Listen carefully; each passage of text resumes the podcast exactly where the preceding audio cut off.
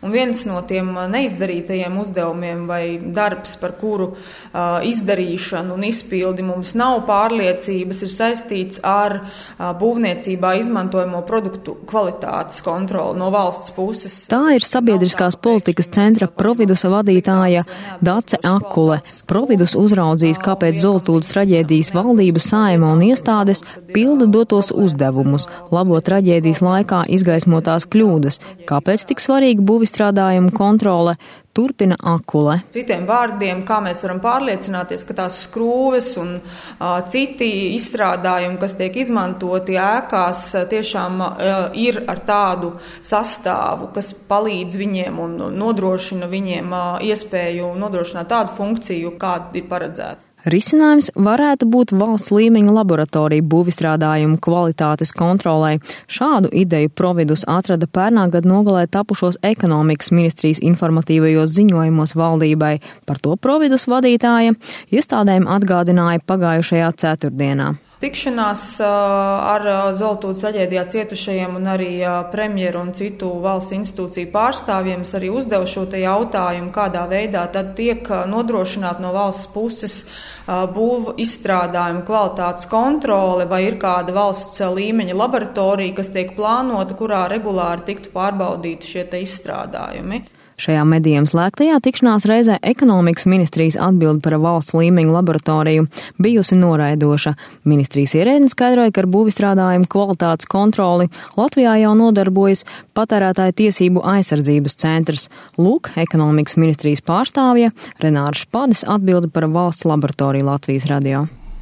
Tas būtu vērtējams, jo jebkurā gadījumā, ja valsts tādas laboratorijas izveidošana, tas būtu ļoti apjomīgs finanses finansiāla nasta, nu, kurā ļoti liels finansējums nepieciešams.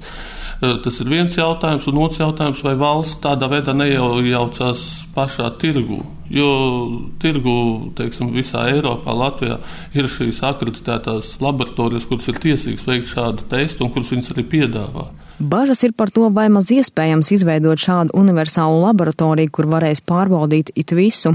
Ekonomikas ministrija arī norāda, ka labāk stiprināt esošo būvistrādājumu kvalitātes uzraudzītāju, proti patērētāju tiesību aizsardzības centru. Būvistrādājumu uzraudzību prioritāte vienmēr. Mums... Patērētāju tiesību aizsardzības centra pārstāve Svetlana Jakuškina skaidro, ka centrs būvistrādājumu uzraudzību veids trīs virzienos. Vispirms jau sadarbībā ar muitu kontrolē importētos būvistrādājumus.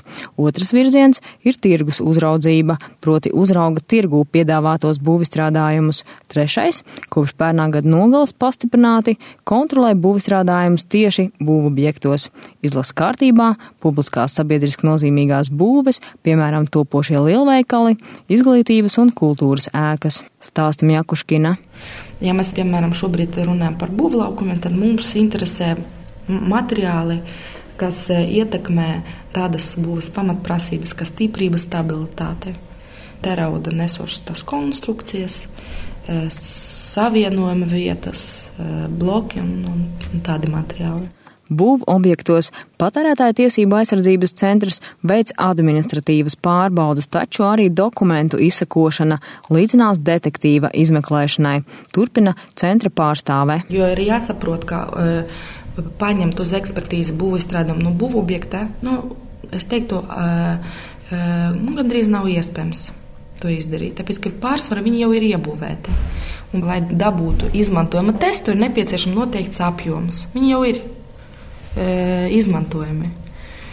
Līdz ar to mēs nerunājam par to testēšanu nu, klasiskajā uzraudzībā, ja, uz kuras pamata mēs varētu pēc tam vērsties pret ražotāju. Šīs pārbaudes centrs veids sadarbībā ar pašvaldību būvaldēm un cieša sadarbība ir izveidojusies ar Rīgas pilsētas būvaldi, un šā gada pirmajos deviņos mēnešos būvobjektos centrs konstatējis ļoti daudz neatbilstību.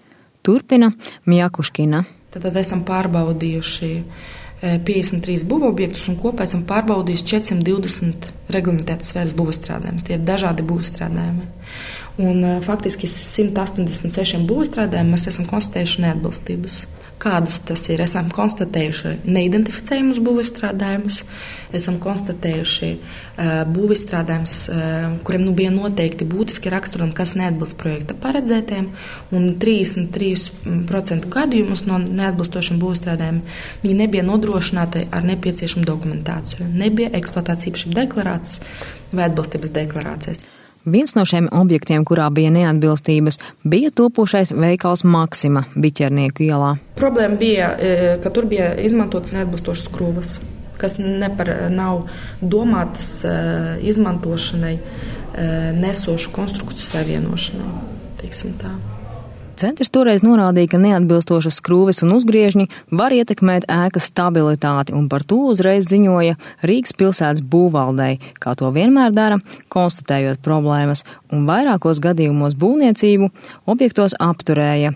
Rīgas pilsētas būvvalde Briķernieku ielas Maksima gadījumā uzsvēra, kamēr būs šī problēma, veikalu nepieņems eksploatācijā. Nu ir pagājuši vairāki mēneši, un ēkas pirmās divas kārtas ir pieņemtas. Būvvaldes vadītājs Ingus Vircaus pamato, ka pasūtītājs veica konstrukciju stiprināšanas darbus. Būvniecības pasūtītājs arī izvēlējās drošāko ceļu un nomainīja attiecīgos materiālus, par kuriem bija bažas, lai nebūtu nekādu pārpratumu vai spekulācijas nākotnē. Vidēji 10% no visiem būvmateriāliem, kuri būvobjektos nebija nodrošināti ar atbilstošiem dokumentiem, centrs konstatēja būtiskas neatbilstības, piemēram, ka nav novērtētas eksploatācijas īpašības. Būvistrādājumiem ir izmantošanas nosacījumi, piemēram, ražotājs ir noteicis, ka tie nav paredzēti izmantošanai slodzi nesošajās konstrukcijās. Nesaņemot šo informāciju, ir liels risks iebūvēt šādu būvistrādājumu neatbilstoši paredzētajām mērķim un tā apdraudēt cilvēku drošību. Te uzreiz jāteic, ka būvstrādājuma eksploatācijas īpašuma deklarācija, par ko atbild ražotājs, ir ļoti svarīgs dokuments, jo tajā ir noteikti būtiskie rakstura lielumi būvstrādājumam, kas tieši ir saistīti ar būvis drošību. Taču atsevišķos būvobjektos atklājās, ka līdz būvobjektam šie dokumenti nemaz nebija nonākuši, jo bija tikai, kā centrā saka, mistiska piegādātāja deklarācija. Mistiska, jo piegādātājiem nav jāraksta deklarācijas, bet gan tas jādara ražotājam, kurš ir arī primāri atbildīgs par būvistrādājumu kvalitāti. Taču arī būvuzņēmējam ir sava atbildība, turpina Miekuškina. Bet ko mēs redzam pie uzraudzības rezultātā? Kā nav tas izpratnes, kādi ir tie dokumenti, kas varētu apliecināt būvstrādājumu atbilstību.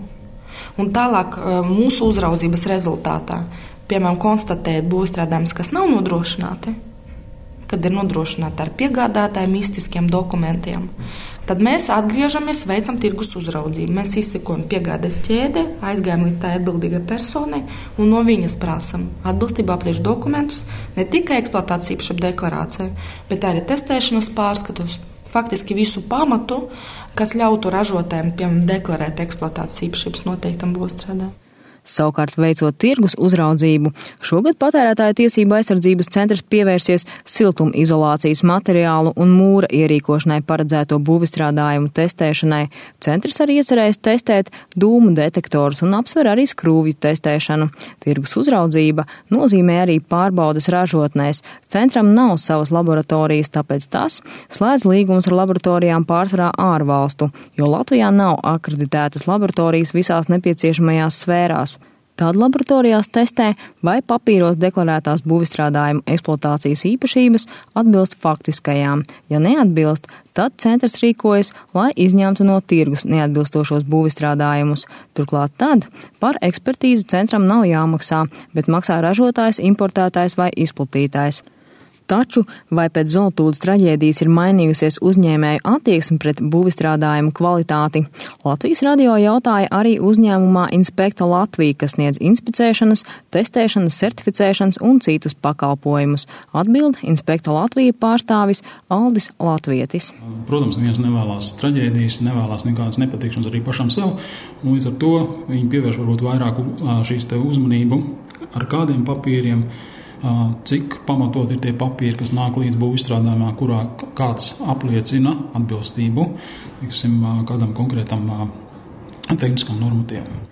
Tomēr Latvijas arī runā par problēmu. Joprojām daudzi importētāji un izplatītāji nepievērš uzmanību būvistrādājumam nepieciešamajai dokumentācijai. Teiksim, ievadot izstrādājumu no trešās valsts, viņš nepievērš uzmanību ka konkrētam izstrādājumam jābūt ceļu marķējumam, ka viņam būtu eksploatācijas īpašība deklarācija. Ja? Jo to nosaka Regula 305. Respektīvi, tad bieži vien netiek izpildīts šādas prasības. Tomēr inspekta Latvija valdes locekle Jeļena Pēkale akcentē uzraudzības jautājumu, vai tiešām valsts iestādes var uzraudzīt kaut visas sabiedriskās ēkas Latvijā.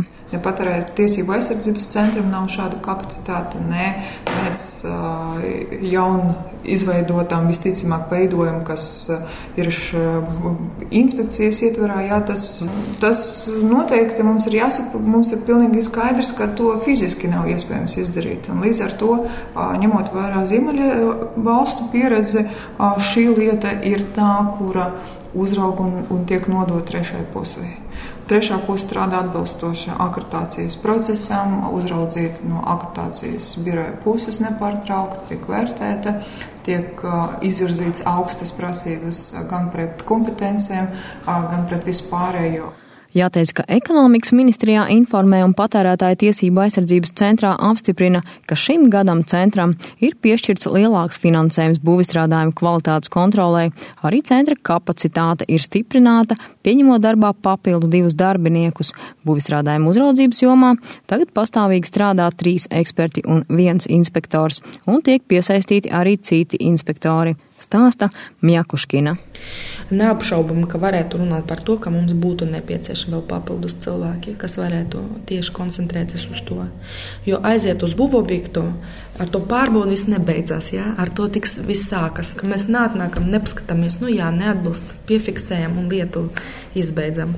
Mēs vienmēr atgriežamies un tiešām pārliecināmies, ka ir būvstrādājums ir novērtēts un viņam ir atbilstoši prasībām ir noteikti tie raksturlielumi, eksploatācijas īpašības. Proti, ja būtu vairāk darbinieku, tad varētu palielināt uzraudzības apjomu. Tomēr patērētāja tiesību aizsardzības centrā norāda, kā arī ar esošajiem resursiem var izdarīt daudz, un cerības tiek liktas arī uz efektīvu sadarbību ar jaunizveidoto būvniecības kontrolas valsts biroju. Diezgan skaidri zināms, ka arī nākamgad centrs pastiprināt dosies uz būvlaukumiem un arī īpašu uzmanību pievērsīs tērauda metāla un koka konstrukcijām. Laura Dzērve, Latvijas radio.